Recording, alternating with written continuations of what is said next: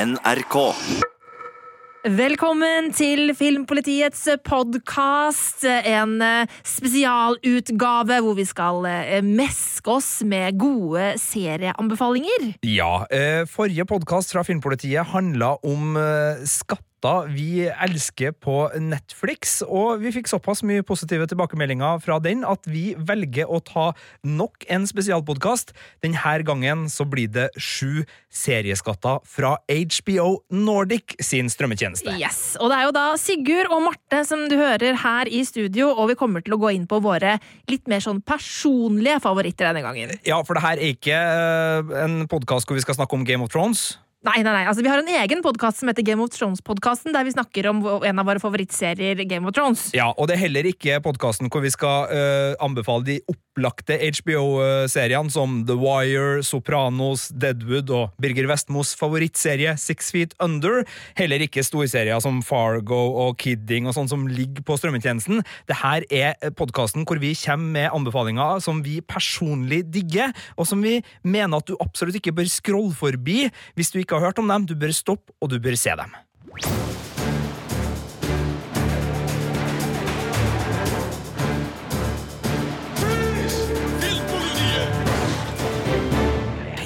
Og vi har trukket ut eh, tre favoritter hver, pluss en liten ekstra godbit eh, på slutten. Eh, vi, vi, vi, lagde jo en lignende podkast for Netflix, der vi kom med tips. Hvis du bare har Netflix, for eksempel, så kan du jo scrolle deg tilbake i ditt podkastarkiv og sjekke ut den. Men nå så skal vi da til den første serien på vår HBO-liste og det er The Magicians. What is this place? Break Bills University. Am I hallucinating? If you were, how would asking me help? This school exists to reveal your innate abilities and hone them to the highest degree. Let's see some magic. No, Quentin. Real magic. Do some goddamn magic! Stop it! Holy shit, I'm doing this. You can grow this magic into something more. You can be a magician. I can't just go to Yale if I know this place exists. This is no fantasy. Ok, Marte Hedenstad, det her er ditt eh, tips som er først ute her nå. Og jeg må bare starte med å si du elsker jo alt som har med hekser, magi, fantasy og alt det der å gjøre. Noe som gjør at du har uh, en uh, veldig sånn stor toleranse, og har liksom snakka pent om serier som jeg mener kanskje ikke er veldig bra. Hvorfor skal jeg uh, tro deg når du nå kommer med Magicians som Magicians Ma ja, det er veldig vanskelig å si. Vanskelig å si. Magicians, dere får bare beklage. La, tenk, lat som at vi er Sean Connery i studio som snakker om uh, magikere. A book fell on me today. I can only blame myself. Unnskyld, det var den dårligste Sean Connery-vitsen jeg visste om. Og den eneste. Eh, tilbake til Magicians. Okay. Og er Marte Henstad. Yes. Eh, du, det her er jo en historie som man eh, innledningsvis føler man kanskje har hørt før. Det er en eh, fyr eh, som eh, plutselig blir kalt inn på en slags skole, hvor han da oppdager at han har magiske krefter. Harry Potter. og så viser det seg også at det er et annet magisk univers som man kan komme til gjennom en dør. Eh, Narnia! Ja. Ikke sant. Eh, men eh, du kan jo se på dette som en slags blanding av Narnia og Harry Potter for voksne, bare at det er så utrolig mye mørkere. Magicians har en sånn herlig greie med galgenhumor, men også ganske mye alvor i seg. serien tar Sa du alvor eller alver? Begge deler! Sorry, okay, Ikke sant? Nå, nå, er vi veldig fyselige. Ok, Den har både alver og alvor i seg, uh, men uh, med tanke på uh, hvordan den f.eks. takler temaer som depresjon og skikkelig mørke, dystre ting som pedofili og overgrep. Så den, den, det er ikke bare fryd og gammen og, og, tull og tøys, det her. Det er, den har en, en dybde i seg. Og det gjør at den blir litt ekstra interessant. Ehm, den er tidvis ganske sånn ekkel, eh, og så er den tidvis skikkelig lystig og lett. Så den, den, den mikser litt med å være den derre veldig lettbeinte halvtimen som du ser mens du spiser middag, eh, og være en mye mer sånn eh, dystrere og, og mer alvorlig serie som går innpå deg. Da. Og den klarer den balansegangen veldig fint. Hvem er det som lager det her? Eh, nei, nå spør det godt. Det er sci-fi. Det er kanalen Sci-Fi. Eh, Kanalen sci-fi. Og eh, det er jo ikke sånn at de alltid lager gull. Uh, De lager veldig mye bra, um, og har jo laga en av mine favorittserier gjennom tidene, altså Battlestar Galactica, for eksempel. Uh, Men det kommer også veldig mye ræl fra sci-fi. Men den her funker veldig godt. Og den Altså, jeg husker første um, sesong. Det ligger, altså Den fjerde sesongen har akkurat begynt å gå på HBO Nordic nå. Jeg tror det er tre episoder ute eller noe sånt nå. Um, den, den er kul, eh, men så blir det bedre og bedre etter hvert som rollegalleriet får satt seg ordentlig, og vi blir kjent mer med figurene, eh, og, ja, og historien eskalerer. Altså sånn at eh, første sesong er kul, type sånn terningkast fire, og så blir det bedre utover, altså. Hvor lange episoder, og, og hvordan funker det her med tanke på Er det her eh, perfekt middagsselskap, eller blir du sittende og binge det, eller må du liksom legge bort telefonen og være Mm. liksom skikkelig konsentrert type Nei. Le Byrå for å, å få med deg ting er- her? det er ikke Le Byrå. Eh, episodene er på en time. Eh, eh, men jeg bincha første sesong. Jeg kom litt sent eh, to the game eh, den gangen, eh, og det fungerte veldig fint. Um, og så har jeg sett det uke for uke etter det. Men um, den eh, er også lettbeint, selv om den tar, for seg dystre ting. Det er masse humor her. Det er sånn typiske kjappe replikkutvekslinger med tøysete rollefigurer. Eh, sånn at det, det er ikke en tung serie. Det er en lettbeint serie som er innom tyngre temaer. Um, og så er den veldig godt selskap til, eh, til pizzamiddagen. Ja, Så for dem som elsker Harry Potter, Narnia og Game of Thrones og Ringenes herre-filmene, og kanskje til og med et par av Hobbiten-filmene, eh, men- og som føler at søren, jeg har lyst på noe, noe mer, så er Mm. det her eh, kanskje ikke på det nivået, men jaggu ikke så langt under, er det Ja, det du sier? altså um, Det er sci-fi nok en gang som lager dette, og det er ikke alltid de eh, Altså, De har noen storserier som de virkelig pøser på med budsjett i. Uh, The Magicians er ikke helt der oppe. Sånn at uh, du kan se på produksjonsdesign av og til at dette ikke er det ypperste av det ypperste. Uh, men det, det er ikke filmbudsjett, liksom. det er ikke filmbudsjett, seriebudsjett. det er seriebudsjett, og det, det syns av og til. Uh, men jeg syns det funker likevel, Uh, og de fleste av spesialeffektene er ok. Så det er ikke noe som er ødeleggende for serien. Men du må være glad i eventyrserier for å like The Magicians. Dette er ikke Game of Thrones, som på en måte favner bredere da, enn den typiske mange- fantasy-elskeren. Nei, for den, har ikke, den er ikke så god som dramaserie at Nei. bare de som elsker gode dramaserier, får eh, dosa si her. Du må uh, inn i eh, Du må der ha sansen for magi. Ja. Hvis Marte Hedenstad-skalaen for fantasy og eventyr består av ti hjerter uh, Ja. på sitt beste, eksempel, hvor mange hjerter får The Magicians av Da Marte Hedenstad? får den eh, syv hjerter fra meg. Okay. Hvis Game of Thrones er ti hjerter, da, så får Magicians syv hjerter. ja, føler det, jeg er ganske det er ganske solid, men det, her er, det er fint å høre, fordi det her er en serie som jeg har plassert i den der eh, middelmådig-kategorien, hvor jeg ikke har gidda å se den, og der ligger også A Discovery of Witches, der ligger det en del andre serier, Og jeg har jo snakket om A Discovery of Witches tidligere. som Det også er- ligger på HBO Nordic. Det er mye dårligere enn det her. Um, men, men som sagt, jeg, jeg, da jeg anmeldte det av Discovery of Witches, så ga jeg vel den terningkast tre. Mens første sesong av The Magicians ville jeg gitt terningkast fire. Uh, og så tror jeg nok jeg er oppe om femmeren på senere sesonger. Uh, sånn at um, eh, det, er, det er en skikkelig kul serie, men du må gi den litt grann tid. Eh, og du må, så hvis du bare har liksom sett én episode og tenkt det her var ikke noe for meg, gi den litt mer sjanse, så, så tror jeg at du kommer til å like det. Godt magiselskap der. Eh, vi må vel videre og, og få høre litt eh, på en HBO-serie som er i en helt annen ende av skalaen. Hey! Can I ask you something? Could you get pot for me? What? Like, don't you want me to have clean, organic pot? Honey, these things are normal, but you should be ashamed of them. You're my mom. I want you to know if I have sex or if I want to get high. Ah! No, hide things from me. Please. Can I kick it? Yes, you can. Can I kick it?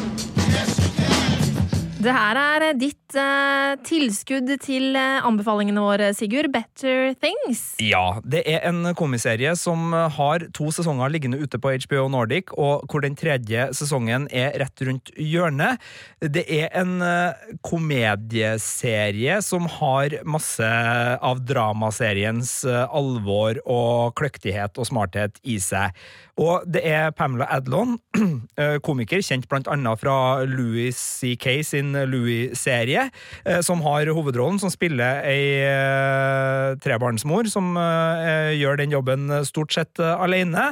Eh, og den er delvis selvbiografisk, litt som eh, Master of None, Aziz Ansari-serien, og litt som eh, Seinfeld, på sett og vis, ved at Pamela Adlon spiller en versjon av seg sjøl, som også jobber som stemmeskuespiller, da, og, og stemmelegger animerte serier, samtidig som hun balanserer sitt privatliv. Og det her er en av de seriene som har dukka opp de siste årene, som havner i den nye sjangeren eh, som har gitt halvtimesformatet uh, et bedre rykte.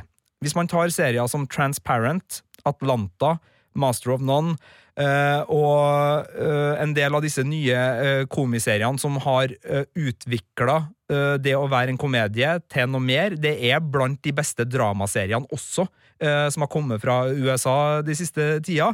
Og det er en serie som evner å si masse oppriktig og alvorlig om hvordan det er å være menneske, og hvordan det er å leve, og som ikke er redd for å være vanskelig og komplisert og ta opp komplekse problemstillinger. Eh, samtidig som den er vittig, artig, har snert, og i den sårheten og i det alvoret så ligger det både galgenhumor og eh, treffsikre observasjoner, og eh, denne serien har også en helt fantastisk evne til å vise fram når det kollapser på hjemmebane. Altså når alt bare raser, og du står midt i det. Uansett om du er småbarnsmor med tenårings... eh, er ufordragelig, tidvis, tenåringsdatter, eller du er i en annen situasjon. Det er så gjenkjennelig, da. Den følelsen når du bare står midt i det, og ting bare Raser rundt deg. Ja, ja, ja. Så uh, det er aldeles nydelig, og den er søt, og den er lun, og den er fin, og Pamela Adlon sin hovedperson er ei dame som du blir umiddelbart glad i, og som du har full sympati for, og hun både dater og jobber og styrer og må ta sånne samtaler med sin eldste datter om både sex og pott, og det gjøres ikke med den der Altså, i USA så har det jo vært et problem med at serier skal være så jævla kjernesunn, ikke sant, øh, opp igjennom. Mm. Uh, De kan være vittige og kan være morsomme, men uh, i bunnen så, det, så er det liksom et sensurert lag da, av liksom sånn Sånn bør du være, sånn bør du ikke være. Men i likhet med flere andre serier den siste, de siste årene, og spesielt da ved at strømmetjenestene og, og eh, nettverkene har funnet utløp for det her, som ikke betyr at de er nødt til å forholde seg til reklamesponsorkroner og liksom ikke terg eh, finansen, eh, så, så er det her deilig eh, upolitisk korrekt og, og eh, åpent og, og fint å vise fram at eh, folk skal få lov til å leve sånn som de vil, Mm. og ikke sånn som uh, samfunnet mener at de bør uh, leve, da. Det høres veldig, veldig trivelig ut, uh, og artig ut. Men hvis, altså, hvem er den serien her for? Den er for unge voksne. Altså, det er ikke en serie for de aller minste, men øh, fra liksom 14-15-16-årsalderen så vil du kunne ha stort utbytte av å se den her, fordi det er jo tre døtre her øh, som går fra ja, seksåring til 16-åring, så du har liksom det barneperspektivet, og serien tar det på alvor. Det er ikke sånn som i Full House eller Fuller House, hvor unger bare er liksom sånn eh, spring, springer rundt i knehøyde og er søt. Her har de reelle problemer, og dem er det fullt mulig å kjenne seg igjen i. Eh, Og øvre aldersgrense finnes ikke, for det går hele veien opp. eh, Og men den er jo spesielt for dem som liker den litt eh, sånn smarte, litt sånn indie-akt Altså Hvis du er glad i indiefilm, da, enten det er Lost in Translation eller Wes Anderson sine filmer, altså litt glad i det der uh, nedpå, litt sånn sorgmuntre, finurlige, snedige, eh, litt sånn skråblikk som ikke er akkurat eh, vanlig, men som selvfølgelig man kan hevde at har blitt vanlig i den sjangeren, og dermed har blitt en standard, osv., osv. Men det er der da at kjernepublikummet ligger. Eh, og så er det en eh, forfriskende serie for dem som er glad i eh, familiekomedier, enten det er Modern Family, som jeg vet at du er veldig glad i. Jeg ser fortsatt og- og, på det. Ja, mange er det, og, og jeg har kosa meg med det, men altså den der typiske Altså, Der Modern Family fikk masse skryt da den kom, for å liksom gjøre om på kjernefamilien og tørs å utfordre konvensjoner. Her har du et Den homofilt gangen. par, og her har du liksom vise fram aldersforskjeller og alt det der, men det er som du sier, det er den gangen.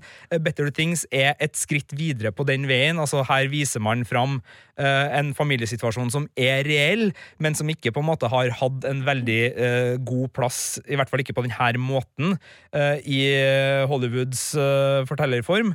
Så, så den, den drar også familiekomedien til et nytt og, og fint sted. Da. Men samtidig så vil den funke for alle som har elska familiekomedier, enten det var Step by Step på TV Norge når du var liten, eller det er Modern Family på TV2 nå, eller det er Blackish, eller det er noe annet.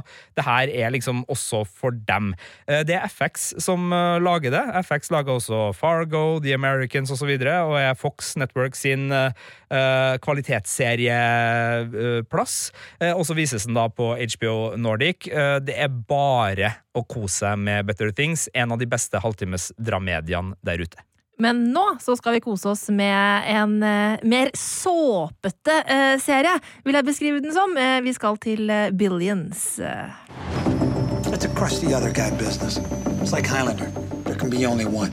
In Inward growing up, if someone has a problem with you and they take that beef public, the ground just falls out from beneath them. Are you threatening me? You're fucking right I am.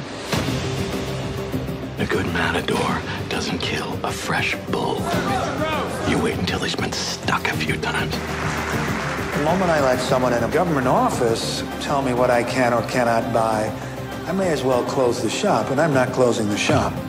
You wouldn't know the right thing to do if it kneeled down and sucked your tiny goddamn Og jeg er et stort glis når jeg, når jeg hører det her. Det er Paul Giamatti og Damon Lewis som du hører eh, veksle ord i, eh, i denne traileren, traileren for Billions. Vi skal til Wall Street, vi skal til New York, eh, vi skal til eh, penger og korrupsjon eh, og ja, deilig, deilig drama. Ja, og uh, skuespillerne her er jo ikke akkurat ukjent. Det hjelper vel å ha to såpass uh, Ja. gode og solide valg i toppen, men, men hva handler Billions om? Jeg, jeg har starta på Billions én gang da sesong én kom. Eh, så vel ikke ferdig den episoden. Det er jo for meg helt Og så bare har tida gått, og så har du liksom holdt i den for Filmpolitiet, så jeg har liksom aldri Ja. trengt å, Å se å se. Mm. den. Og det er jo så mange Skal jeg tilstå en annen sånn serie? Jeg tror jeg har bare sett en halv sesong Peaky Blinders også. Ja, men der, Men det er ikke fordi at jeg ikke, jeg ikke-. Ja, men Det er ikke for at jeg ikke liksom tror at det er kjempebra. Det er bare Vi må se så mye serier, og nå vet jeg at jeg Å oh, nei, om se så mye Nei, serier. nei, nei, nei, det er noe ting Men altså, herlighet, jeg så jo hele Hobbiten-trilogien her om kvelden òg, så, så det er jo ikke sånn at vi ikke har tida til å se Og andre jeg som brukte en hel søndag på å se Always a Witch i Netflix, som var en ræva serie. Så, så det her er ikke en unnskyldning som egentlig er gyldig, men av og til så bare blir det sånn Og Billions er en sånn serie hvor jeg tenker, tenker sånn Ok, den da må jeg ha noen uker liksom, der må jeg sette Mm. meg ned, for jeg regner med at jeg blir hekta. da Ja, men Og det sånn er det med Peaky Blinders, så jeg regner med at jeg blir hekta. Eh, Men hvorfor kommer jeg til å bli hekta på Billions, Altså, grunnen til at du kommer til å bli hekta, er at uh, Paul Giamatti og Damon Lewis har en så fantastisk beef på gang. Altså Damon Lewis eh, han spiller Bobby Axelrod, som er en sånn skikkelig sånn eh, sånn fondforvalter. eh, Hedgefond, eh, Hedgefond-dude, ja, ja, ja. ikke sant? Eh, Som driver og spekulerer i, eh, i sånne type ting. eh, Og driver jo massiv innsidehandel. eh, Og det er jo ikke lov, og han har tjent sine milliarder på ganske sånn ja, skittent vis. Men han har god samvittighet, for han mener at altså, alle andre gjør det jo, ikke sant? Eh, og så har vi Paul Giamatti, som spiller da eh, Altså eh, US Attorney heter det på, på engelsk. Det er vel sånn den føderale advokaten i New York. Ja. eller noe sånt. Han heter Chuck Rhodes, og han er da ute etter å ta denne jævla svindleren, ikke sant. Eh, og så er det en liten, eh, liten eh, greie der med at eh, Wendy, kona til Chuck, spilt av Maggie Siff, hun er da eh, eh, altså psykologen som hjelper eh, Bobby sine ansatte å, å prestere. Sånn at hun er da kona til advokaten og eh, ansatt og liksom partneren til eh, svindleren. Ja, Så når du sa litt såpete her Yes. tidligere, så er det ikke uten grunn. Nei, det høres jo ekstremt konstruert og tilskrudd uh, ut uh, som premiss, Ja, men, men uh, det, det betyr jo ikke at det ikke er artig. Nei, Det funker som bare det. Eh, og jeg husker da, da serien kom, så trodde jeg at først at det var en HBO-serie. Eh, og så ble jeg litt satt ut da jeg skjønte at det ikke var det, fordi det er Showtime som har laga det. Og Showtime de lager veldig mye bra, de. De lager Twin Peaks og Homeland, Yes. blant annet. Men de lager ikke de mer sånn derre dramaene med tyngde som HBO uh, uh, altså, du, Skjønner du hva jeg mener? Altså, de der, altså, De lager akkurat uh, nivået under, ja, for, ja, for de er litt mer lettbeinte. selv om Twin Peaks Men det er en helt Ja, annen det, er, take-opp. det er en helt annen take-opp. take-opp. Men skjønner du hva jeg mener med at liksom, de er ofte litt mer Hakket mer underholdende, hakket mer lettbeinte. De er ikke like tungdrodd som det som HBO sine dramaer kan være. Som jeg jo elsker, men det er en litt annen type øh, det. Og de henvender seg litt til et annet type publikum òg, fordi uh, selv om vi snakker om HBO Nordic her nå, så snakker vi jo om mange serier som ikke er HBO-serier. Og uh, HBO har jo hatt den fordelen, eller ulempen, alt etter som man ser det, at de har kalt seg sjøl Altså, De har jo hatt slagordet 'Det er ikke TV', Mm. uh, nettopp for å liksom skille seg fra det her. Og de har fortalt historier på en måte som uh, skiller seg fra den mer underholdningsfokuserte delen, mens Showtime har jo uh, lagt seg opp på liksom sånn her, hvor bra kan vi lage det her, og Ja. fremdeles ha reklamepauser og masse uh, et, et enormt publikum Ja. som vi kan uh, selge til våre annonsører. Og det funker, det funker jævlig bra, da, for å si det sånn. Uh, Og grunnen til at det funker så bra i, i Billions, er at um, det er den derre kampen mellom de to alfahannene som, som de jo er. Eh, og det er litt sånn kult, for det, det er ikke sånn at de møtes og krangler, eh, men vi, vi liksom, de, de snakker om hverandre hver for seg i sine, i sine respektive scener, eh, og har på en måte en sånn skikkelig beef gående på den måten. Eh, og det er så masse sånn renkespill og eh, greier for å ta den andre personen ned, og det er veldig, veldig gøy å se. Det er veldig spennende og det er veldig underholdende. Og, og manuset er jo knallgodt skrevet, og, og skuespillerne er så utrolig, utrolig bra. Um, og så er, det, så er det det der med at uh, de spiller jo på den på den greia med at du heier jo på, på bad guyen. Altså Chuck eh, Nei, eh, Bubby Axelrod uh, sin Altså, han er jo ikke han er jo ikke en bra fyr. Han, han driver jo med ulovlige ting, men han er dritkul. Og vi, vi vil jo ikke at Chuck Rhodes skal fucke han, eh, men samtidig så heier vi jo òg på Chuck Rhodes, fordi han er òg en jævla fet fyr. Og det, den der greia der er så kult, at du ikke du vet hvem du skal liksom root for. Du vet ikke hvem du skal heie på til slutt, da. Eh, og det gjør at eh, det blir en ganske sånn eh, eh, Nesten litt utmattende, men veldig underholdende serie. Når jeg ikke har begynt på Billions ordentlig, uh, og jeg setter i gang, er det liksom uh, tipp topp fra the get-go, eller tar den litt tid å sette seg? Og kommer jeg til å kunne liksom se en episode nå og da, og ha den her liksom uh, som sånn Mm. fint uh, koseselskap på, på kveldene når jeg har tid, eller må jeg bare liksom sette av en søndag og se en sesong? Altså, jeg tror jeg, jeg begynte å se den lineært, eh, sånn at eh, da jeg begynte å se den, så, så fikk jeg jo episode for episode. Jeg ble fenga fra første stund, Um, og så, da sesong to begynte, så av en eller annen grunn så begynte jeg ikke å se umiddelbart. Uh, sånn at da hadde jeg bygd meg opp noen episoder, tror jeg det var, eller blander jeg noe? Ja, i hvert fall en eller annen sesongen jeg ikke hadde sett alt da, og da binget jeg det uh, etterpå. Og, og det var kjempekult, fordi den har noen sånne Den har cliffhangere, ikke sant? Eh, fordi det er showtime der. eh, og da vil man veldig gjerne vite hvordan det går videre. Og de gangene jeg har fulgt med fra uke til uke, så har det vært veldig sånn Nei, ikke bli ferdig! Faen! Og så bare åh, ok, gleder meg til neste uke. Så den har den, eh, den effekten. Eh, og det er jo litt gøy å ha Selv om jeg, jeg, jeg Åh, jeg sliter så innmari mellom å elske Netflix-modellen, hvor alt kommer samtidig, eh, og det som ofte skjer hos HBO Nordic fordi ting sendes samtidig som det gjør i USA. da. Eh, At det kommer fra uke til uke. Jeg liker å binche, samtidig som jeg liker å ha noe å glede meg til. Så det er vanskelig. Men Billions, knallbra, altså. Eh, jeg har noe som absolutt tåler binging som neste tips, og da skal vi over til animert dokumentar. Her er Tales from the Tour Bus. There's nothing worse than a hillbilly with a hit record. George Jones. He had 36 brand new cars. My favorite had a horn sound like a dying bull. The wild Jerry Lee Lewis. He bought a machine gun, shot up a demo lab that was next door. $50,000 worth of false teeth. I knew he was fixing to shoot, and I didn't want to be in the line of fire. Dette høres uh, trivelig ut. Er det, er det trivelig? Nei, overhodet ikke. Men Men det er sant, stort sett. Eller disclaimeren på starten av denne serien er at det her er basert på virkelige hendelser, men det er så mye dop og så mye tid som har gått involvert, at det er ikke sikkert at alle detaljene stemmer. Uh, Det er en uh, animert dokumentarserie om musikere. Eh, Og forteller elleville historier fra eh, noen av Amerikas eh, verste og eh, beste eh, artister. Eh, Det er laga av Mike eh, Judge, som eh, er kjent som eh, skaperen av Beavis and Butthead, som var MTVs store animasjonsserie, og sammen med The Simpsons kanskje de to mest toneangivende eh, animerte halvtimeskomediene vi, vi hadde fra 90-tallet. Eh, Mike Judge har senere både laga filmer og serier, og er kanskje mest kjent nå for å være skaperen bak Silicon Valley, som er en HBO-komiserie som eh, funker veldig godt, syns jeg, og som tar for seg app-utviklere og andre tullinger i Silicon Valley. Eh, Dette er ikke en HBO-serie direkte, den er laga av Cinemax, men det er to sesonger nå ute på HBO Nordic. Første sesongen handler om countryfolk. Andre sesongen handler om eh, funkfolk. Så her er det liksom størrelser som uh, Jerry Lee Lewis, Waylon Jennings, uh, George Jones og Johnny Paycheck, som er en av de mest tullete countryartistene jeg har uh, sett snakk om i det hele tatt. I tillegg til at du har da James Brown og Bootsy Collins og George Clinton og andre i funk-sesong to. da.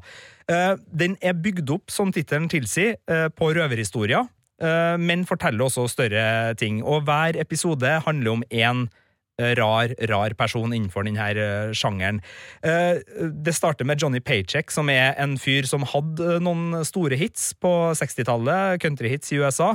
Blant annet eh, Take This Job and Shove It, som var en sånn skikkelig arbeiderklasse fagforeningslåt okay, som eh, funka jævla bra. Eh, og men han er jo en sint, sint redneck, ikke sant? så han gjør jo så mye tullete, altså med dop og pistoler og vold og fengsel og alt mulig, og du hører liksom historier. altså Waylon Jennings er jo den store stjerna i sesong én. Eh, Han turnerte jo mye sammen med, med Willie Nelson og er jo en av de store store countryartistene innenfor outlaw country-bevegelsen i USA, og de, de gjør så mye rart. og Det, her, det, det er så snedig, for det her går jo i, i litt sånn samme miljøet. De kjenner litt hverandre, men størrelsen på artistene er jo liksom fra sånn ganske suksessrike, mellomstore countryartister i USA til ja, altså uh, Jerry Lee Lewis, da, som er sammen med Elvis kanskje en av de mest kjente og kjære artistene Mm. USA har fostra innenfor de her uh, sjangrene som da er country til, til rock'n'roll. Så, så det er en sånn deilig, deilig slarvete uh, verden, og tingene de gjør mot hverandre, Marte. Altså, det får hiphop-kriger eh, mellom eh, både vestkyst og østkyst til å bli, eh, om ikke eh, slapp, så, så det er i hvert fall på høyde, om ikke verre, her. Og det er så mye tullete. Og når vi kommer over i funkgjengen, altså, da snakker vi jo på mange måter også hiphopens fødsel. Altså, du får vite da hvordan uh, Harvard-studenter på 60-tallet som drev med LSD-eksperimenter i veldig sånn ordna former, uh, er en av årsakene til at både funken ble det funken eh, ble, og for så vidt da hvordan George Clinton ender opp som den ekstremt merkelige funkmesteren som han er, og blir da en veldig viktig figur i etableringa av flere musikalske uttrykk, uh, og hvordan James Brown altså Når du, når du ser James Brown liksom knipse Ja. på scenen, vet du hva han gjorde da? Han bøtela bandet sitt. Hvis han hørte at noen spilte feil, så var det der det var sånn 20 dollar, 40 dollar, 60 dollar. Altså han, han bøt, altså Sånne ting får man vite her, da. Og det er jo så artig! Men altså, Du forteller nå med et veldig engasjement, og jeg kjenner at jeg blir eh, Det smitter over på meg. eh, Men jeg, jeg er ikke så vel bevandra i altså Jeg vet sånn veldig godt hvem James Brown er, liksom, men, men av de andre folka du nevner, så har jeg ikke så god peiling på, på hvem disse folka er. Må jeg være inni sjangerne som, som det handler om her, og folka det handler om, for å ha utnytta av serien? Nei, fordi den er uh, veldig humoristisk laga, uh, med uh, animasjoner som animerer historiene som fortelles. Altså, vet du om Creature Comfort-serien, som ble laga av de, de Wallace and Gromit-folkene? Oh, ja. Der de Mm. tok og intervjua folk på gata og fikk dem til å snakke om ting, og så animerte dem og la den dialogen i dyremunn. Sånn at du hadde liksom kjæledyr som satt og snakka om litt sånn ordentlige problemer. Ja. Altså, det er litt den tanken okay. som uh, han har jobba med her, Mike Judge. Altså, han har intervjua folk Uh, og så tar han de historiene og lager animerte intervjusettinger, i tillegg til at han uh, spiller ut situasjonene. Så når det fortelles om uh, at George Clinton står naken på et bord og danser på konserter fordi han er helt rusa, og bandet bare fortsetter og bare sånn Ja, jævla kult, jævla Dette kult, jævla kult, dette er dritbra. Og så bare plutselig går lyset på, og de oppdager at all publikum har forlatt salen. eh, Men det har ikke de fått med seg, for at de var så rusa. Eh, Da får man se den situasjonen. Og det der minner meg om en gang jeg og, jeg og broren min var på karaoke. Og vi, vi var så inni det, og det var sånn, vi sto med ryggen til folka bak oss, for skjermen var jo foran oss. Og vi var så inni det, og vi, hadde, og vi sang så sykt bra. Og så hadde vi bare den villeste performancen av, uh, av Lion King, eh, Elton John Circle of Life. Circle of Life, og det var bare så sinnssykt bra. Og så bare vi, vi var den perfekte duetten, liksom, og så snur vi oss, og bare Og så hadde alle gått! Fordi det var så dårlig! Så det minte meg om det. Så den, den, akkurat den episoden kunne jeg sikkert ha relatert meg til. Da. For det er akkurat det. Du kan, eh, det er såpass artig laga at det er artig for alle, eh, men du må ha en viss interesse for musikken. Og så er det jo sånn at hvis du er interessert i denne musikken og musikkhistorie og amerikanske artister og, og alt det her, så er jo det her ei skattkiste som er helt fantastisk. Altså, det, eh, det er det at noen har tatt seg bryet ved å lage det her på den måten det er laga, er rett og slett eh, en så utrolig eh, koselig gave fra Mike Judge og gjengen. Og tilgangen han har fått altså Her er jo både artistene sjøl med og forteller om uh, all dritten de har gjort, med humør og, og galgenhumor. Og, og Nei, det er jo en helt unik tilgang. Jeg får lyst til å se det. Ja, uh, Sjekk det ut hvis du er glad i musikk, eller bare har lyst til å se en uh, dokumentarserie av den litt alternative sorten, så er da Tales from the Tourbus sesong én og sesong to ligger ute. Ja, Det er helt fantastisk. Nå skal vi over til noe ganske annet, nemlig eh, skaperen av Lost, Damon Lindelof, eh, sin eh, spesielle og fantastiske serie The Leftovers. Darkness. No matter what we suffered, we are still alive. Come to talk with you again. It's gonna be okay. How's it gonna be okay? Because a vision softly. Please come home. Please come home.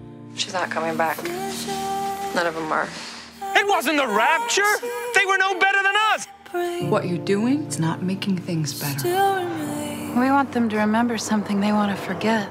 They are trying to provoke us. The sound of silence. We can never be weak.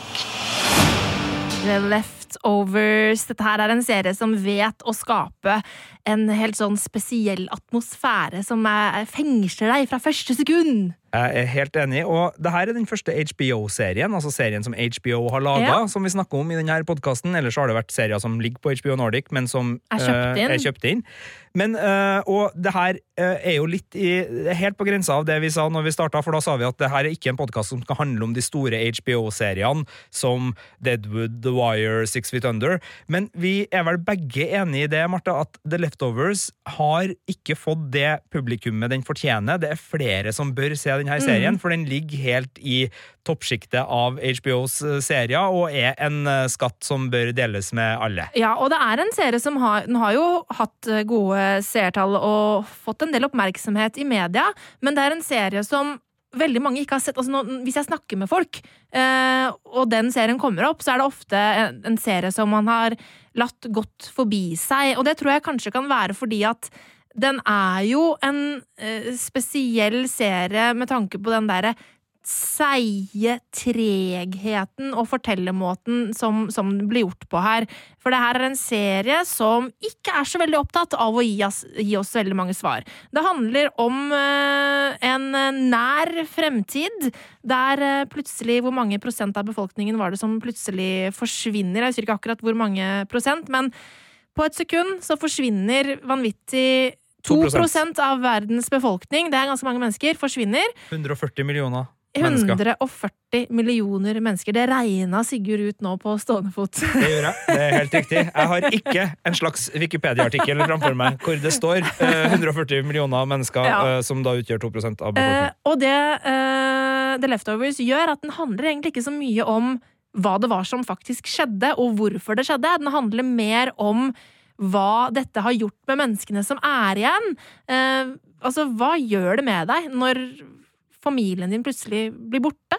Eh, hva er det som skjer med samfunnet når eh, 2% av det forsvinner? Og hva skjer med samfunnet når man opplever øh, spørsmål som man ikke finner svar på? Mm. Eh, For det er jo en ting, altså Vi er jo veldig heldige som mennesker. Vi lever i ei tid eh, hvor vi har svar på veldig mye, så vi kan liksom le litt av eh, de som kom før oss og sånn Haha, dere trodde på det, og dere trodde på det. Men greia er jo, når det kommer ting som du ikke kan forklare, og du ikke har fatteevne til å begripe, så tyr du til uh, ulike forklaringer, og ulike folk finner ulike svar og ulike løsninger. Og jeg syns måten The Leftovers også har det Mm. uh, elementet da, uh, i seg på, er, er veldig artig. For her er liksom alle in the dark på hva er det egentlig som har eh, foregått her. Ja, og vi får se hvordan ulike folk som sier, eh, takler dette på ulikt vis, og det vokser frem forskjellige, altså nye trosretninger og sekter eh, som, som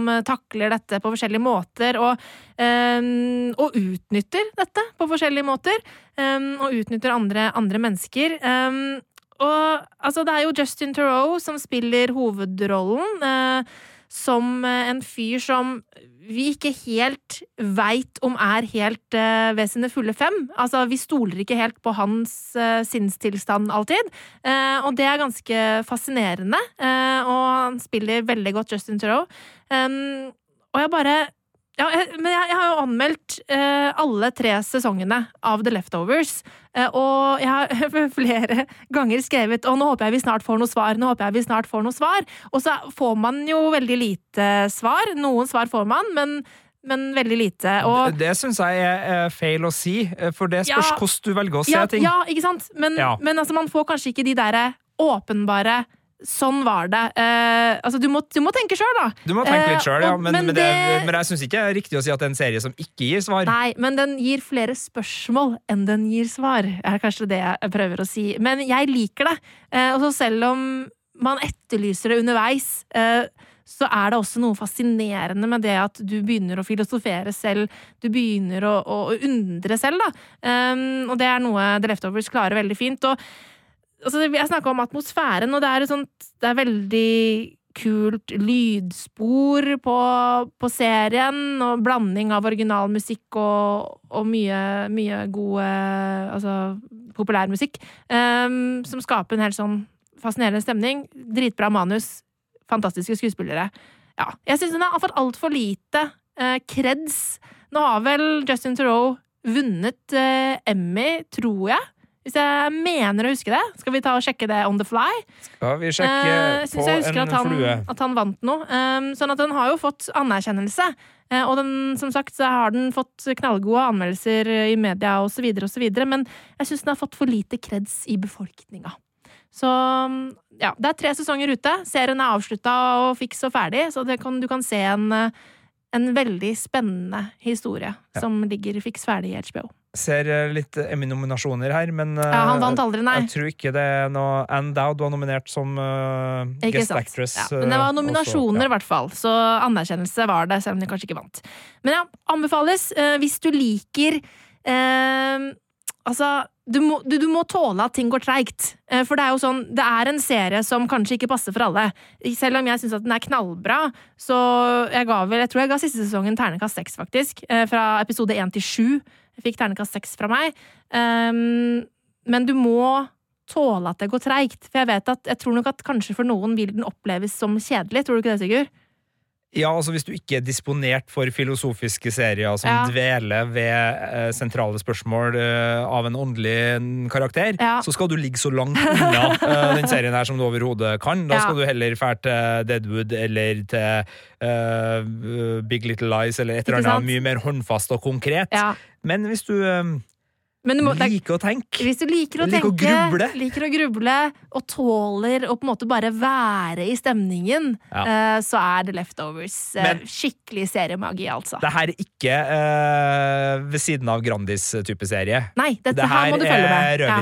og tekopp-land, vil jeg si. Altså, oh. her kan du bare legge bort telefonen og, og fordype deg litt. Så, så den er nok litt mer krevende, ikke sånn for å forstå, men den krever at du setter deg ned og ser TV. Ja. Eh, litt som om du går på kino, Mm. eh, i stedet for at du bare liksom eh, setter på noe for å underholdes eh, mens eh, Eller for å få tida til å gå. Ja, absolutt, altså. Eh, få med deg The Leftovers hvis du er disponert for sånne serier. Ja. Hvis du er mer disponert for eh, australske serier om knalltøffe typer, så har vi også tips til deg for det. Birds flying high. You know how I feel. So if you're in jail and you disrespect somebody, Sun in the sky. you can end up dead. You know how I feel. There's consequences. But out here in the real world, why don't you watch where you're going, eh? What was that? There's no consequences. And I'm feeling Because people let them get away with it. good. You right, old man? Do you enjoy hitting people? I wouldn't say I enjoy hitting people. Der er jeg helt uenig med hovedpersonen eh, Ray. Eh, han, han liker å, å slå folk. Og det her er en serie som heter Mr. In Between, eh, som er laga av nok en gang da FX, som vi snakka om, som laga Better Things, som vi snakka om tidligere her, og som også da lager Fargo, The Americans. FX Australia var et kortlivd prosjekt faktisk som står bak Ja, denne serien. Men det er da en FX-serie. vi, vi klarte å legge ut denne ene serien, og så var det slutt, eller? Jeg tror det er noe sånt. Kanskje Ja. det kom en til, jeg husker ikke helt, men det var i hvert fall eh, kortlevd. Men det er en øh, svart komedie slash krimserie øh, som er øh, på seks episoder, og som er kjempekul. Og i fjor så kom det flere uh, sånne uh, svarte komedier om uh, drapsmenn. Barry kom på, Ja. ligger også på HBO Nordic. Kjempebra serie. Masse priser og, og masse ros. Kunne ha tatt med den her, men den ligger såpass høyt framme at jeg valgte å da heller ta Mr. In Between i stedet for. Men igjen da så handler det om Ray, som er en slags sånn Eh, ja, han kan fikse det meste for deg. Altså, hvis du trenger å hyre inn en fyr for å knuse noen kneskåler, så fikser Ray det. Hvis du trenger en fyr for å eh, drepe noen, så tror ikke jeg Ray har noe problem med det heller. Uh, han er også småbarns uh, alenefar eh, og passer på dattera si og prøver liksom å oppdra henne mens han da lever sitt liv. Og her er det mye rare ting som skjer. Her av den svarte komedien. Altså, her har du blant annet liksom en kompis som ringer fortvilt som du, du, du må komme og si at uh, den pornofilmen som ligger i skapet mitt, er, er din. Du må komme og si det. Bare sånn? Nei, det, det kan Jo, jo, jo, jo, altså kona holdt på å klikke her. Du må, du må, komme, og, du må komme og si det. Bare, ja, ok, greit. Ja, det er en, pornofilm, liksom. Ja, ja, ja, ja, bare en pornofilm. Bare kom. Så kommer du, og så er det liksom golden showers og urinsex og masse rart. Og så bare sånn er det her din, Ray? Så bare sånn Ja, det er min. Det er, altså, det er sånne type scener som jeg syns er kjempeartig. Så, så den har mye sånn god situasjonskomikk i seg. Eh, samtidig da som den har masse vold i seg, og eh, forteller ei litt sånn Cohen-brødrene-aktig historie da, om denne Ray som havner i en del uh, komplikasjoner. For han har jo en æreskodeks, og som vi hørte i lydklippet her, så er han på sånn anger management-senter. han mener jo at eh, vi har for lite vold i samfunnet, men han er jo ikke slem. Men altså, han bare mener, for eksempel, hvis du er et rasshøl i dagens samfunn, så er lovverket sånn at du kan ikke bli straffa. Men du fortjener jo egentlig å, å bli slått ned. Ja, ikke sant? Uh, så Mm. han vil jo uh, forbeholde seg retten til å slå ned rasshøl, uh, men og syns da at vi har fått Vi har et mangelfullt samfunn, da, i og med at du havner i fengsel hvis du slår ned rasshøl, Ja. mens rasshølene kan ikke straffes. Uh, og uten Ja, okay. å si at det er helt riktig, så uh, går det jo an å se poenget. Uh, fordi det er jo en del rasshøl her i verden, både på toppnivå og på lavere nivå, som kommer unna med ting. Og om de skal ha seg en på trynet eller ikke, det skal ikke jeg uttale meg om. Nei. Men uh, jeg er pasifist for så vidt, og, og mener absolutt ikke det. da Men, men det er jo fortærende at det ikke finnes noe annet enn på en måte sånn Ja, så saksøk meg, da.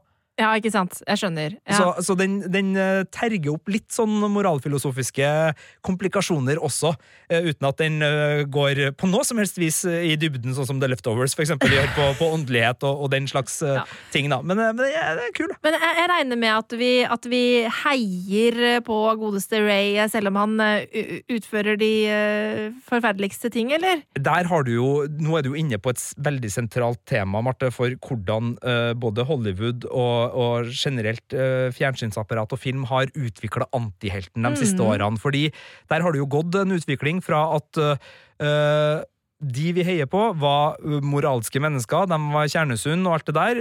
Gjennom lange perioder så skjer det ting både i Hollywood og resten av verden som gjør at antiheltene kommer fram, og nå er det jo nesten utelukkende Ja, er- antihelter og bad guys å heie på. Det det. Uh, og det som er vanskelig der, da, er jo at uh, Eller det, det er to ting. Det gjør at det er en mye større valgfrihet blant publikum til hvordan vi ønsker å identifisere oss og eh, kalle interact da, med de her eh, hovedpersonene våre.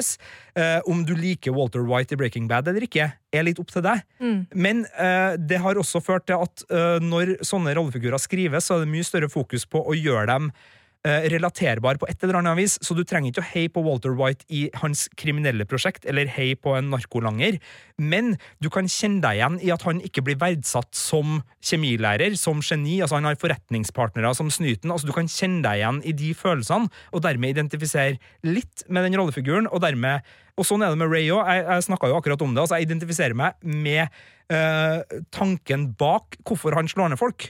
Jeg identifiserer ikke meg med uh, nedslåinga, jeg syns ikke det er greit, men jeg skjønner eh, jeg skjønner hvor frustrasjonen hans kommer fra, fordi at han tar opp et problem med at vi lever i et samfunn hvor veldig eh, mye er lovregulert, men hvor det er fullt mulig å utnytte systemet og gjøre ting innafor systemet som egentlig burde ha blitt slått ned på.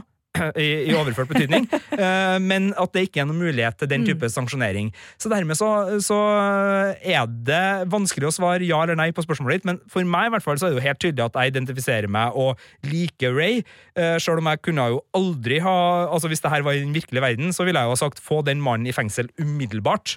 Han skal aldri ut og rusle i gatene, uansett hvor hyggelig han er med dattera si. Uh, mens uh, i en serieversjon sånn som det her, da, så er det jo lett å bli med. Og så er det mye gladvold her. ikke sant? Det her er jo en actionserie også, uh, som har mye kul slåssing, og det syns jeg er tøft. Så derfor så liker jeg Mr. In Between skikkelig godt, og anbefaler den. Det er en kjapp liten godbit. Det her er frossenpizzaunderholdning. Bare å nyte. Ligg et lite søk unna Mr. In Between HBO Nordic, så er det bare å kose seg. Fra en eh, altså seriemorder? Nei. Ja, Vold, eh, leievoldsutøver. Til en annen, eh, som man kanskje ikke kan identifisere seg med på, li, på like stor grad. jo, det er fullt mulig. Men som man virkelig liker, da. Ja. Vi skal til Killing Eve. I think about you all the time. I think about what you're doing and who you're doing it with. I think about what you eat before you work or what shampoo you use. I think about what you feel when you kill someone. I just want to know everything. Bye bye. Four people are dead and it's all your fault. Somebody help me! She will keep hurting people until I catch her. I have to find her. She wants me to find her. You're not saving the world, honey bunch. I'm going to talk to her. No! You're getting off and sniffing out a psycho. Nå, nå føler jeg at vi, vi er litt sånn i grenseland på premisset for podkasten vår. At vi, vi, vi tar eh, ikke de aller mest kjente, for Killing Eve begynner jo å bli ganske kjent og har jo eh, vunnet eh, Golden Globe, blant annet. Og, eh, Ja, men eh, vi har Men likevel så er den ikke kjent nok! Det er akkurat det. Og det her eh, heter jo Sju skatter eh, fra HBO Nordic. Mm, som vi Eh, ikke vil at du skal gå glipp av. som du ikke skal scrolle forbi. Mm. Og da sa vi jo at vi skal ikke ta de mest opplagte, altså Game of Thrones eh, og dets like, men Killing Eve ligger jo noen, noen hakk under der. og det er ikke nok folk som du sier, som har oppdaga den enda. Det er ikke nok som snakker om den her, og det kommer en sesong to nå er det 8. april, så vidt jeg husker. Ja, det var noe sånt. Mm. Uh, og derfor så er det jo veldig viktig å få sett sesong én. Uh, jeg har uh, så sansen for denne serien, men jeg er litt spent på om jeg egentlig trenger en sesong to. Eh, men det problemet får vi ta i april. Ja. Men det er ikke noe tvil om at sesong én eh, var en av de aller kuleste seriene vi så i 2018. Absolutt. Det er da Sandra Oh, eh, kjent fra Grace Anatomy først og fremst, kanskje, eh, som spiller eh, Eve, som jobber for eh, MI6, er det det det heter? Det heter det i Storbritannia, Ja, ikke sant? Etter, Etter, etterrett, den britiske britiske Den britiske etterretningstjenesten. Og hun jobber med å fakke en leiemorder som vi kjenner da som Villanelle. Og hun eh, Vi snakka litt om det før vi gikk inn i studio i, stad, at hun hun er litt sånn der Er hun leiemorder eller er hun seriemorder? For hun liker det litt for godt, den, den drepinga si. Eh, men hun er jo også eh, en veldig interessant og kul figur. Med, med tanke på det vi har snakka om, om man kan relatere seg til henne, og sånn, så er nok hun hakket vanskeligere å relatere seg til. Selv om vi kan forstå hun har vært gjennom vanskelige ting osv.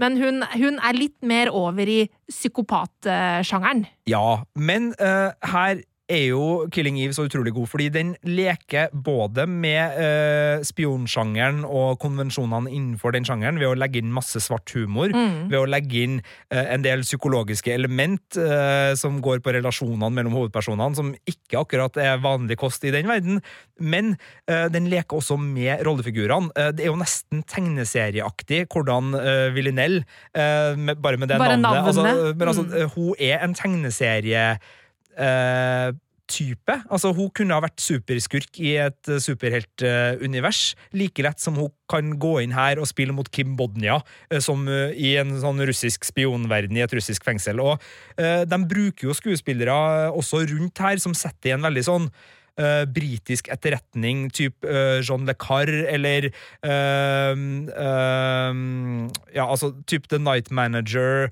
uh, Spion uh, Europa, Tinker Taylor Soldier Spy Altså, det ligger litt i den greia. Det er mye regnvått og, og britisk her.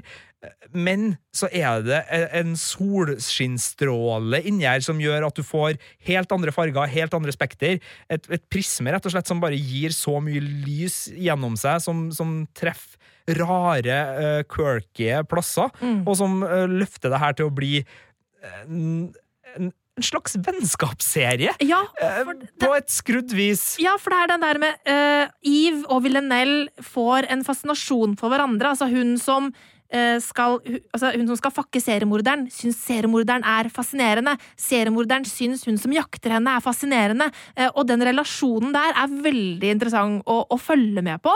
Eh, og som egentlig er noe helt annet. Jeg tror ikke jeg har sett akkurat det før. Eh, Så det syns jeg var skikkelig kult. Og Sandra Sandra Oh spiller jo helt eh, fantastisk. Hun er jo en dritkul skuespiller, og Jodie Comer, som spiller Villanelle, også er, er knallgod. Så det her er en skikkelig godbit, altså, av en serie. Og så er det jo også uh, gledelig uh, i en serieverden hvor vi gang på gang på gang etterlyser gode, velskrevne roller for de kvinnelige rollefigurene, at her er det to av de beste og mest velskrevne og kuleste vi fikk i hele fjor. Det her Mm. var en serie vi hadde på åttendeplass over de beste, de aller beste TV-seriene fra 2018. Eh, Så det her er virkelig en serie vi prøver å få flere folk til å se, og vi har fått med oss mange. Altså, vi, altså det er veldig mange andre også der som er veldig glad i Killing Eve.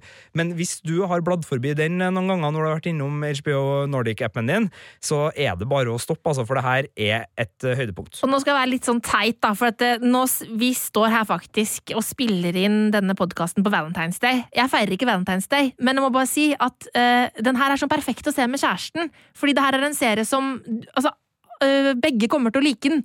Eh, sto- stort sett. Altså, du kan ha ganske forskjellig type seriesmak og møtes på midten med Killing Eve. Det er sant, for den har så mye sjangre i seg, og alle er løst ganske så godt, så det er et godt poeng. Den her har en veldig brei, et bredt nedslagsfelt. eh, Og så er det jo sånn at jeg skal være enda teitere enn deg, da, for du sier nå hvilken dag det er, Marte Henstad. Ja. Jeg kan også avsløre at i dag så har vi fått nyss i at det muligens skal komme en Ja. trailer-teaser for sesong to, Ja. så det er mulig at når du hører den podkasten her, så har den kommet ut. Og det er jo Sjekk om den er ute allerede. Okay, okay. nå skal jeg sjekke. For i så fall, Hvis den er ute Eh, allerede, så er den garantert ute uh, når du hører denne podkasten. Men se. da får vi jo se Jeg tror ikke den er det, men jeg vet at de med vilje har tenkt å legge ut traileren på Valentine's Day. Ja. Uh, og det er jo en årsak til det, eh, kan vi jo si. Men, men ikke se traileren for sesong to da, hvis ikke du har sett sesong én. Men hvis du har sett sesong én, så kan du jo kose deg med at snart kommer det mer. ja, Det var vært eh, en god oppklaring. Og nå beklager vi datospesifikk uh, teithet ja. fra, Men fra mest sannsynligvis, når du hører dette her, så er traileren for sesong to ute. Ja.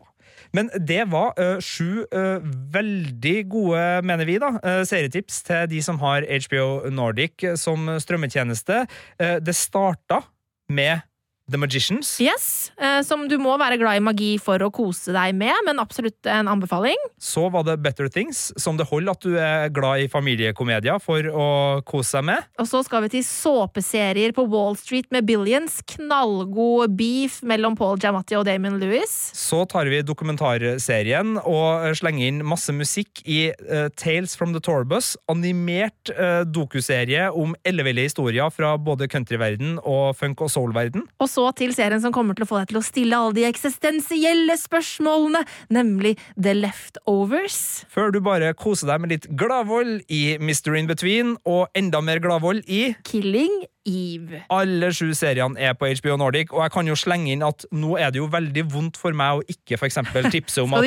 Ja, Eastbound and Down ligger på HBO Nordic. Fantastisk komiserie. Fargo ligger på HBO Nordic. Justified ligger på HBO Nordic. Kidding, den nye serien Ja. til Jim Carrey, Mm. ligger på HBO Nordic.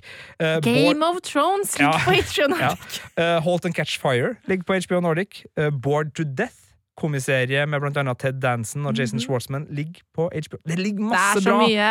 Handmaid's Tale, Big Little Lies. Ja, det kommer nye sesonger der også etter hvert, eh, på våren. Det gjør det. Jeg gleder meg øh, veldig, Sesong altså. tre av uh, Handmaid's Tale og sesong to av Big Little Lies henholdsvis kommer vel til sommeren, begge Ja, to. juni juni og juli, tror jeg. Så, Åh, det er så mye bra. ja, ja, ja, ja, Det er så sykt bra. Nevnte vi Game of Thrones?